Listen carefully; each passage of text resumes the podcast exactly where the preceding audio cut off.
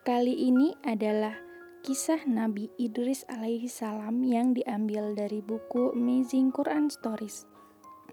Nabi Idris alaihi salam adalah keturunan keenam Nabi Adam alaihi salam. Allah mengangkat beliau menjadi seorang nabi setelah Nabi Adam alaihi salam.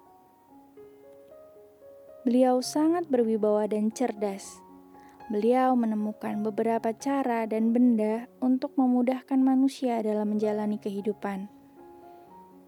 Allah menganugerahkan ilmu yang banyak untuk Nabi Idris alaihissalam.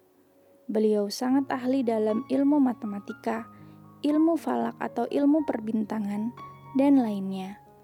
Beliau merupakan orang pertama yang menulis menggunakan pena. Beliau juga orang pertama yang bisa menjahit pakaian. Sebelumnya, Nabi Adam alaihissalam dan anak-anaknya mengenakan pakaian dari kulit hewan dan tumbuhan. Allah memberikan pengetahuan kepada Nabi Idris alaihissalam untuk membuat pakaian yang layak dengan cara menyatukan bagian-bagian pakaian dengan menjahitnya. Nama asli Nabi Idris alaihissalam adalah Aknuk. Beliau adalah ayah dari kakek Nabi Nuh alaihissalam. Allah memuji beliau sebagai seorang yang jujur dan mencintai kebenaran. Allah mengangkat beliau ke martabat yang tinggi. Beliau diangkat Allah ke langit keempat dan wafat di sana.